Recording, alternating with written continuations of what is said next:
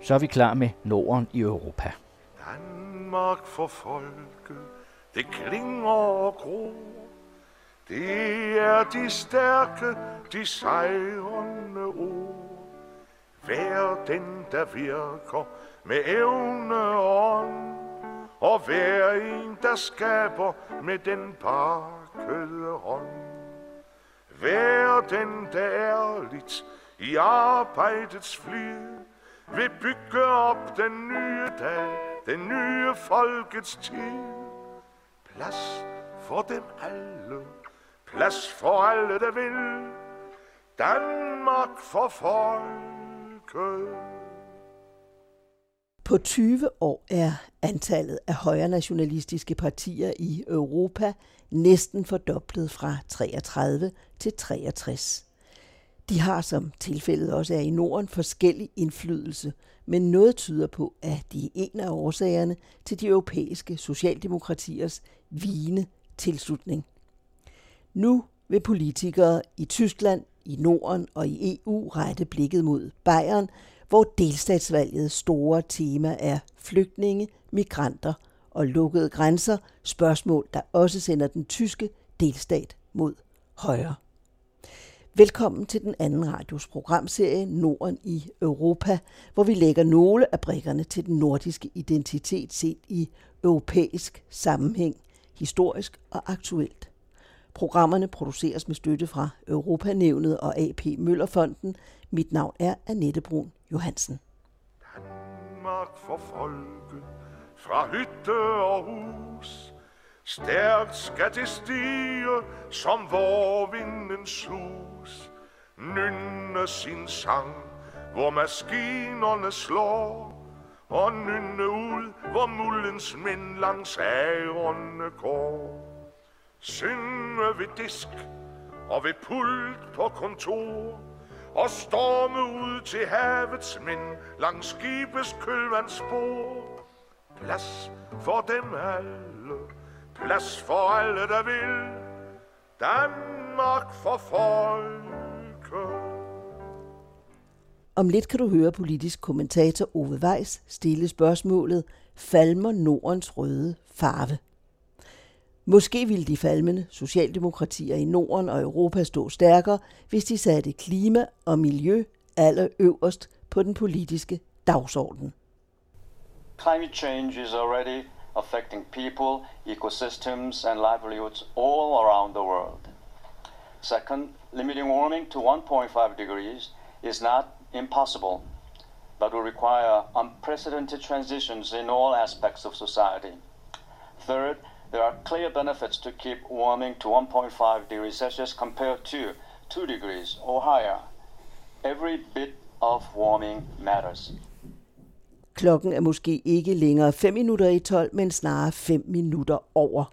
Ifølge en epokegørende rapport fra FN's klimapanel kræver det vidtrækkende og hidtil usete skridt at afværge den truende globale klimakatastrofe. Rapporten fra FN's klimapanel IPCC bygger på 6.000 videnskabelige undersøgelser og ses af klimaforskere og andre eksperter som aldeles alarmerende. Klimaændringerne påvirker nu mennesker, økosystemer og levebrød i hele verden, siger formanden for FN's klimapanel, Huesung Lee. Og det vil kræve hidtil usete forandringer i alle aspekter af samfundet. Sidst i udsendelsen kan du høre om et lille nordisk indspark på græsrodsplan i den store miljøproblematik. Men først til kommentaren Falmer Nordens røde farve. I sommer rejste formanden for de danske socialdemokrater Mette Frederiksen til Amsterdam for at fortælle fire europæiske kolleger om sin alliance med Dansk Folkeparti. Senere opfordrede hun S-lederne i Sverige og Norge til at gøre det samme med DF's skandinaviske søsterpartier. Men de afslog blandt andet med henvisning til, at deres partier har bedre valgresultater end Frederiksens eget. Ove Weiss orienterer. På en af årets hede junidage flyver formanden for Socialdemokratiet Mette Frederiksen med et udvalgt pressefølger til Amsterdam for at gengive fire europæiske kolleger optimismen. og hun er sikker på lydhørhed for de fire desillusionerede socialdemokratiske ledere, ser lyset fra den nordiske model skinne i deres europæiske mørke. Værtslandet Hollands Socialdemokrati fik ved seneste valg i 2017 kun 5,7 procent af stemmerne, en nedsmætning med godt 19 procent og et tilgift tab af regeringsmagten. Det ene af de to belgiske socialdemokratier, der deltog i mødet på Hotel Lloyd i den store havneby, står tilbage med knap 9 procent. Det engang så mægtige østriske socialdemokrati, kansler Bruno Kreiskis arvegods, noterede med knap 27 procent status quo ved seneste parlamentsvalg, men ikke nok til at fastholde regeringen. Det var det heller ikke mere forklarligt for de italienske socialdemokrater, som med tab af knap 7 procent til 22,9 procent også måtte slippe regeringsmagten. Inde fra mødet forlød det, at hovedforklaringen på de europæiske socialdemokratiers krise er den højre nationalistiske bølges frembrusen. På blot en snes år, fra omkring år 2000 til parlamentsvalgene omkring 2018, er antallet af nationalistiske partier i Europa næsten fordoblet fra 33 til 63. Det fremgår af en ny rapport fra Institute for Global Change, som bærer den tidligere britiske premierminister og Labour-leder Tony Blairs navn. Ham vender vi tilbage til. For det fremgik ikke om de fem S-ledere, når de nu var i netop Amsterdam, havde funderet over, måske lige frem dvælet ved, at et af Europas stærkest opreklamerede højreradikale partier, Gert Wilders hollandske Frihedspartiet, fik et skuffende valg med blot 13,1 procent, altså kun godt hver tiende hollænder. Og at Alternative für Deutschland, den store udfordrer til Angela Merkel og hendes besked til de tyske vælgere og flygtningene i 2015, wir schaffen das, vi klarer det, at det parti måtte tage til takke med 12,6 procent ved forbundsdagsvalget sidste år. Relevant er det også, at Dansk Folkeparti, som med 21,1 procent fik et rekordvalg i sommeren 2015, i meningsmålingerne står til tab af omkring 5 procentpoint og dermed 8-9 mandater. Og nok så relevant, at partiet ved de lokale valg i november sidste år blot fik godt 8 procent måske med den konklusion, at jo tættere vælgerne kommer på DF-kandidaterne, jo bedre de kender dem, des færre stemmer får partiet. Men det var ikke Mette Frederiksens opgave i Amsterdam. Her skulle hun forklare gevinsten ved socialdemokratismens alliance med højrepopulismen i Danmark, i fordelingspolitikken i hvert fald i brudstykker, og især i udlændingepolitikken.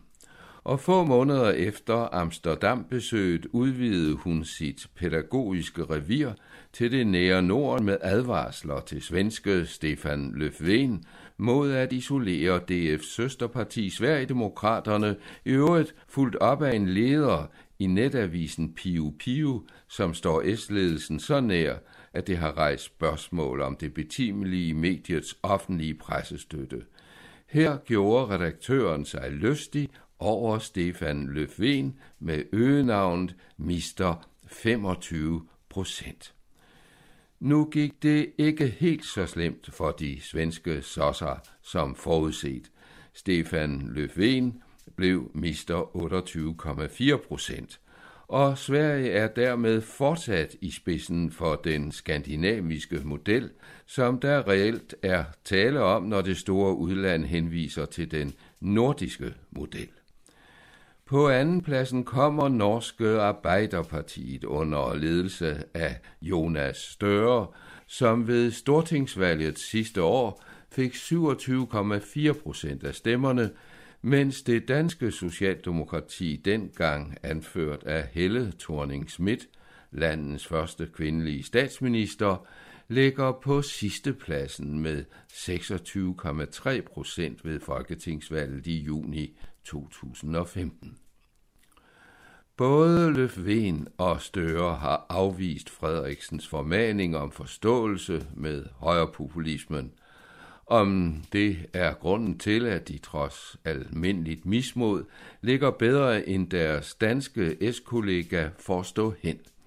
Måske vil de henvise til en nyvalgt ung rebel fra Ballerup-kredsen, Mette Frederiksen, som i 2001 sagde følgende citat. Vi undgår ikke et opgør med udlændingepolitikken, og det er ikke Karen Jespersen, der skal være krumtappen i vores holdninger til integration. Der skal andre toner til og mere fokus på uddannelse til nydanskere. Hver gang vi træder et skridt til højre, er der andre, der tager to.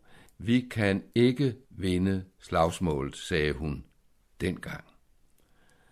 Mette Frederiksen har i denne regeringsperiode stemt for 91 af regeringens og Dansk Folkepartis 98 stramninger, og så skal det tilføjes, at omtalte Karen Jespersen begyndte sin ambitiøse politiske karriere som spidskandidat for partiet Venstresocialisterne, gik videre til Socialistisk Folkeparti, derefter til Socialdemokratiet som medlem af Folketinget og regeringen. Herfra fortsatte hun til partiet Venstre som MF'er under Anders Fogh Rasmussen, der udnævnte hende til socialminister i sin regering. I dag er hun medudgiver af et højorienteret netmedie uden for pressenævnet, hvis økonomi efter en række annoncørers boykot af dets ekstreme linje blandt andet hviler på Dansk Folkepartis annoncekampagner. Ringen er sluttet. Overordnet er der tale om en tilslutningskrise for den skandinaviske model, om en ikke så dyb som den mange europæiske socialdemokratier står i. I Sverige er der langt fra Tage Erlanders, Olof Palmes og Jørgen Perssons valgresultater til Stefan Löfvens seneste, som er det laveste i 100 år.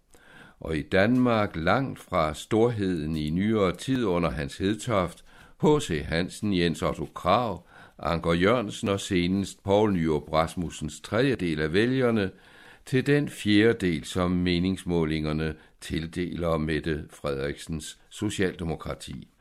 En faktor, som ofte har været relevant ved regeringsdannelser i Danmark, er de fire nordatlantiske mandater. Grønlandske Moses Olsens stemme var afgørende for dannelsen af kravregeringen i 1971, som afløser for radikale Hilmar Bavnsgaards RVK-regering. De senere år har mandaterne nogenlunde stabilt fordelt sig med tre til rød blok og et mandat til blå blok.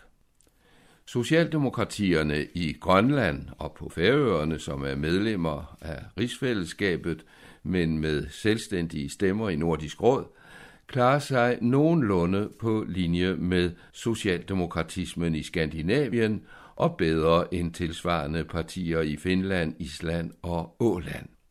Ved seneste grønlandske landstingsvalg fik socialdemokratiske Siumut godt 27 procent af stemmerne tæt fuldt af det mere venstreorienterede IA med 25,5 procent, med andre ord et bekvemt rødt flertal i Nuuk, hvis de to partier i øvrigt kunne enes.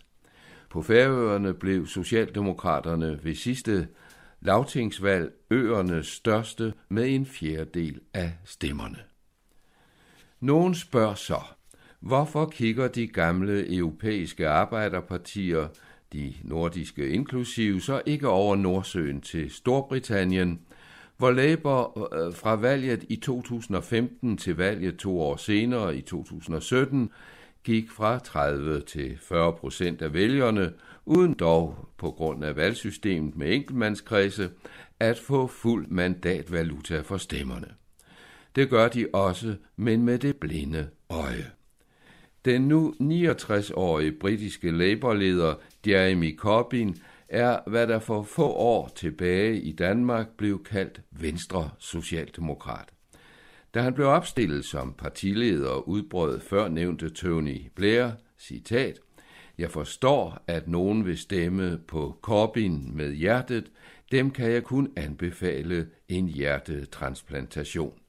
I Danmark stemte formanden for S-gruppen i Folketinget, Henrik Sass Larsen, i og kaldte valget af den nye Labour-formand for en tragedie.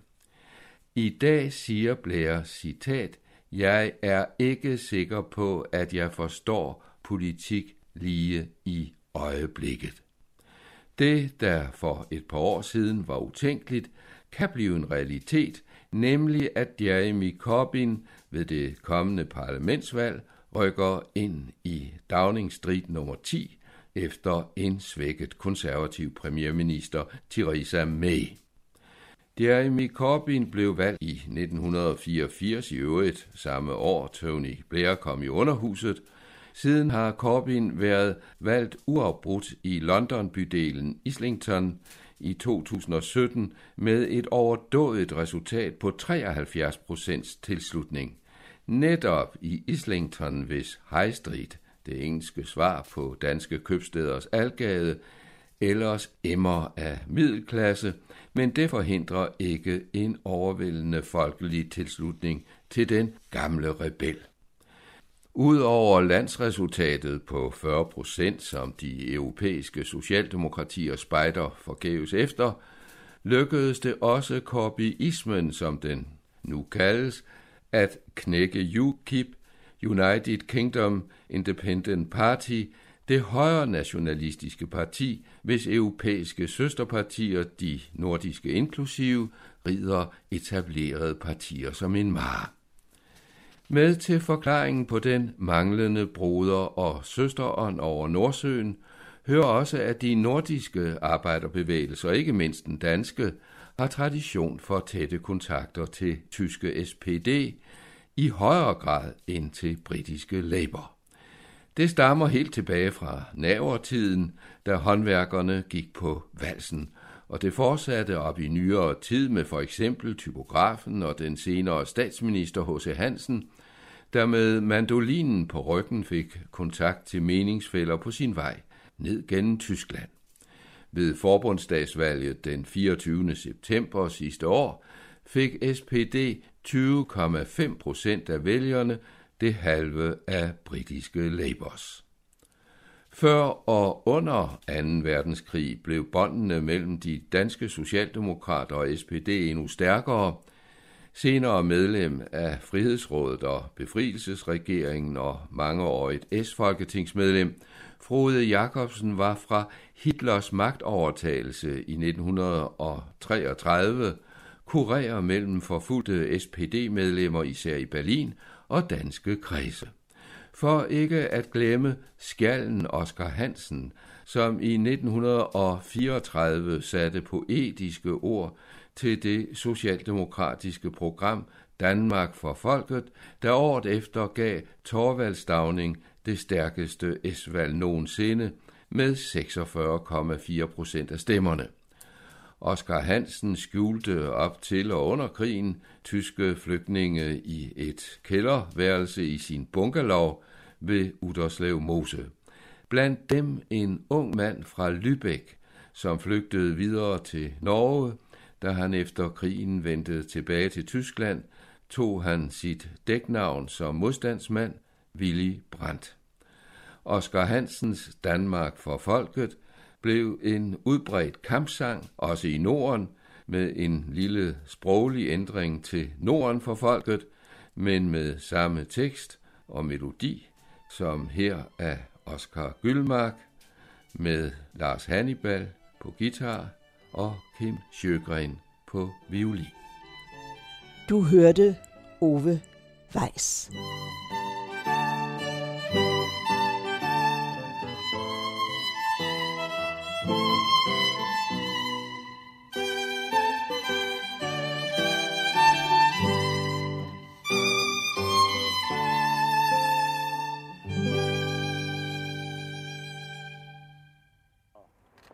Og med det velkommen til, og så vil jeg starte med at give ordet til energiministeren. Tak for det, statsminister. Det er en dag som i dag, som jeg har glædet mig rigtig, rigtig meget til. Der ligger et meget, meget solidt arbejde bag regeringens klimaplan sammen om en grønnere fremtid. Det sker også på baggrund af i går, hvor vi så regeringen, eller ikke regeringens, men FN's øh, klimapanel kom med en meget, meget kraftig anbefaling om, at nu skal der handles. Vi står foran en kæmpe mæssig udfordring. Det gør vi nationalt, det gør vi globalt, det gør vi i det hele taget, og det er også det, der er baggrunden for, at regeringen nu er kommet med sit klimaudspil. Målet er, at i 2050, der skal Danmark være helt CO2-neutral. Dertil kommer vi ikke uden at gøre en kæmpe mæssig indsats. Der er i det her forslag ikke mindre end knap eller 38 forskellige forslag til, hvordan vi når det mål. Vi skal satse på en række områder. Et er, at vi kan ikke nå det her mål ved alene at reducere udledningerne af CO2. Vi er også nødt til at se på alternativer, herunder ikke mindst optag af CO2 fra atmosfæren. Og derfor afsætter vi 100 millioner kroner til at forske i optag af CO2 fra atmosfæren. Vi lancerer også et klimamærke. Mange danskere spørger os, hvad kan vi selv gøre for at reducere udledningerne af CO2? Og hvad kan vi selv gøre for klimaet? Derfor lancerer vi en frivillig mærkningsordning, hvor vi optager, hvor vi op, op, opfordrer supermarkeder, detailhandelskæder, kødgrossister og alle mulige andre, som sælger produkter til danskerne med en høj CO2-udledning til at være med.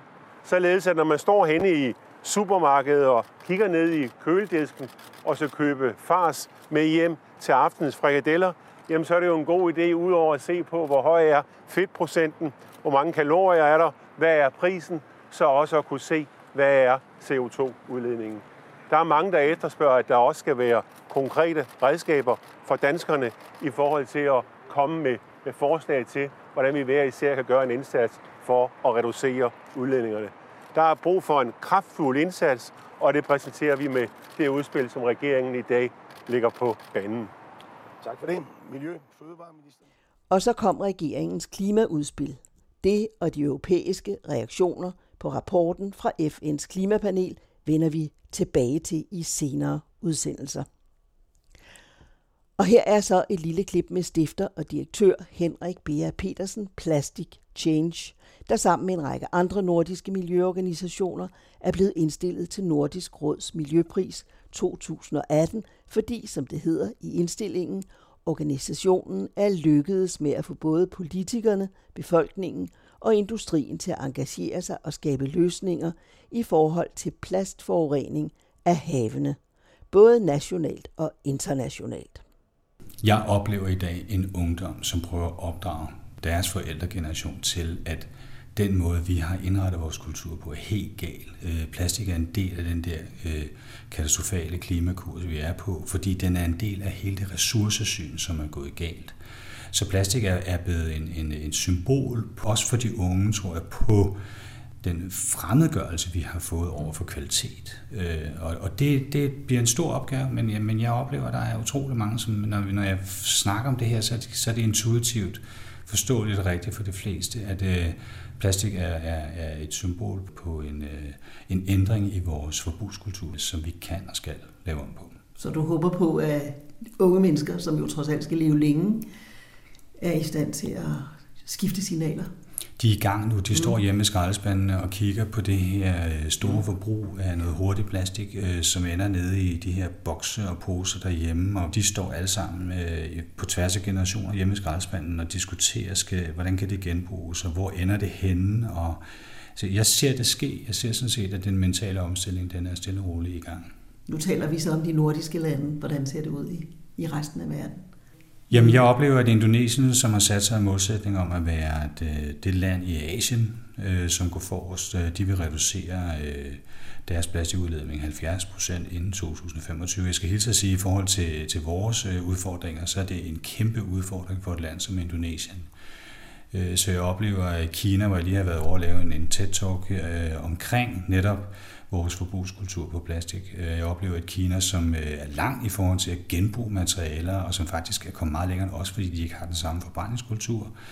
Øh, så jeg oplever, at, at, at Danmark skal se at komme virkelig i, i, ned i startblokken øh, og i gang, hvis vi skal have nogle af de arbejdspladser, øh, som der øh, angiveligt ligger på det her område, hvis vi kommer med på den cirkulære plastikøkonomi i fremtiden.